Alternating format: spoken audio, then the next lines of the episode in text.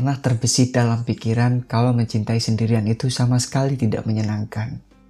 Di mana kita sesekali dipertemukan dengan keadaan yang harus dipaksa. Keadaan yang begitu menyakitkan. Dan tak jarang membuat kita terpukul begitu parah. Barangkali di sini kalian tidak tersesat. Kalian melangkah di jalan yang tepat. Dan ini surat dari seseorang yang sedang mencintai untuk seseorang yang sedang dicintai. Dunia ini begitu indah, menciptakan segala sesuatu berdempetan, berdekatan, dan berlawanan.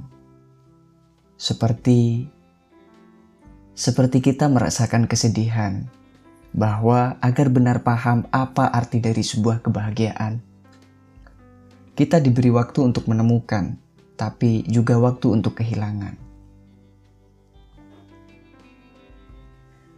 Sesederhana itu. Namun terkadang kita dibuat rumit oleh kehendak-kehendak yang lain. Bahkan kita pun tidak paham akan kehendak itu sendiri. Suatu ketika aku teringat pada sebuah keadaan, di mana waktu menyuruhku untuk mencintaimu dengan cara yang paling sederhana, dengan cara yang tidak semua orang memilikinya, di mana ia cukup adil memberiku sebuah pilihan seperti memilih tujuan di suatu persimpangan jalan. Dan kukira mencintai bukanlah soal teka-teki yang bisa kita tebak, atau seperti lemparan dadu yang harus kita kira pada akhirnya. Mencintai bukan soal angka, mencintai bukan pula soal hitungan, terlebih hanya sebuah tebakan. Akhirnya aku pun mempercayai sebuah tabiat lain, bahwa mencintai sendirian bukan hal yang rumit Ibarat seseorang yang sedang berjalan sendirian, yang pasti di tengah jalan kita menemukan hal yang tidak bisa kita sangka. Seperti jalan yang sedikit berlobang, tikungan tajam, terlebih suara dan lambaian tangan seseorang.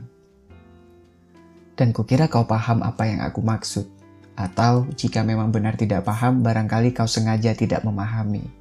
Sebab yang ku tahu, cinta adalah takdir dan akan hadir dengan multi tafsir.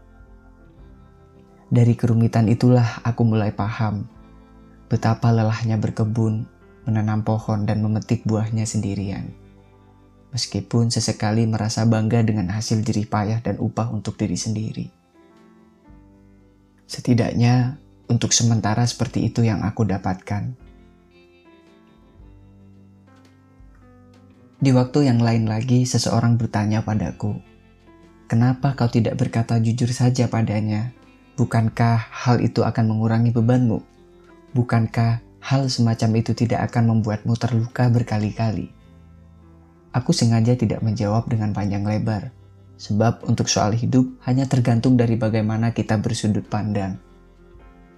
Aku hanya ingin bertahan tentang kerumitan hidup, seperti kata seseorang, hidup telah cukup hanya dengan mencintai. Lagi pula, tidak selamanya pahit memiliki dampak buruk. Hanya saja ia berperan lain bahwa segala yang dianggap buruk ternyata itulah yang terbaik yang telah diberikan waktu kepada kita.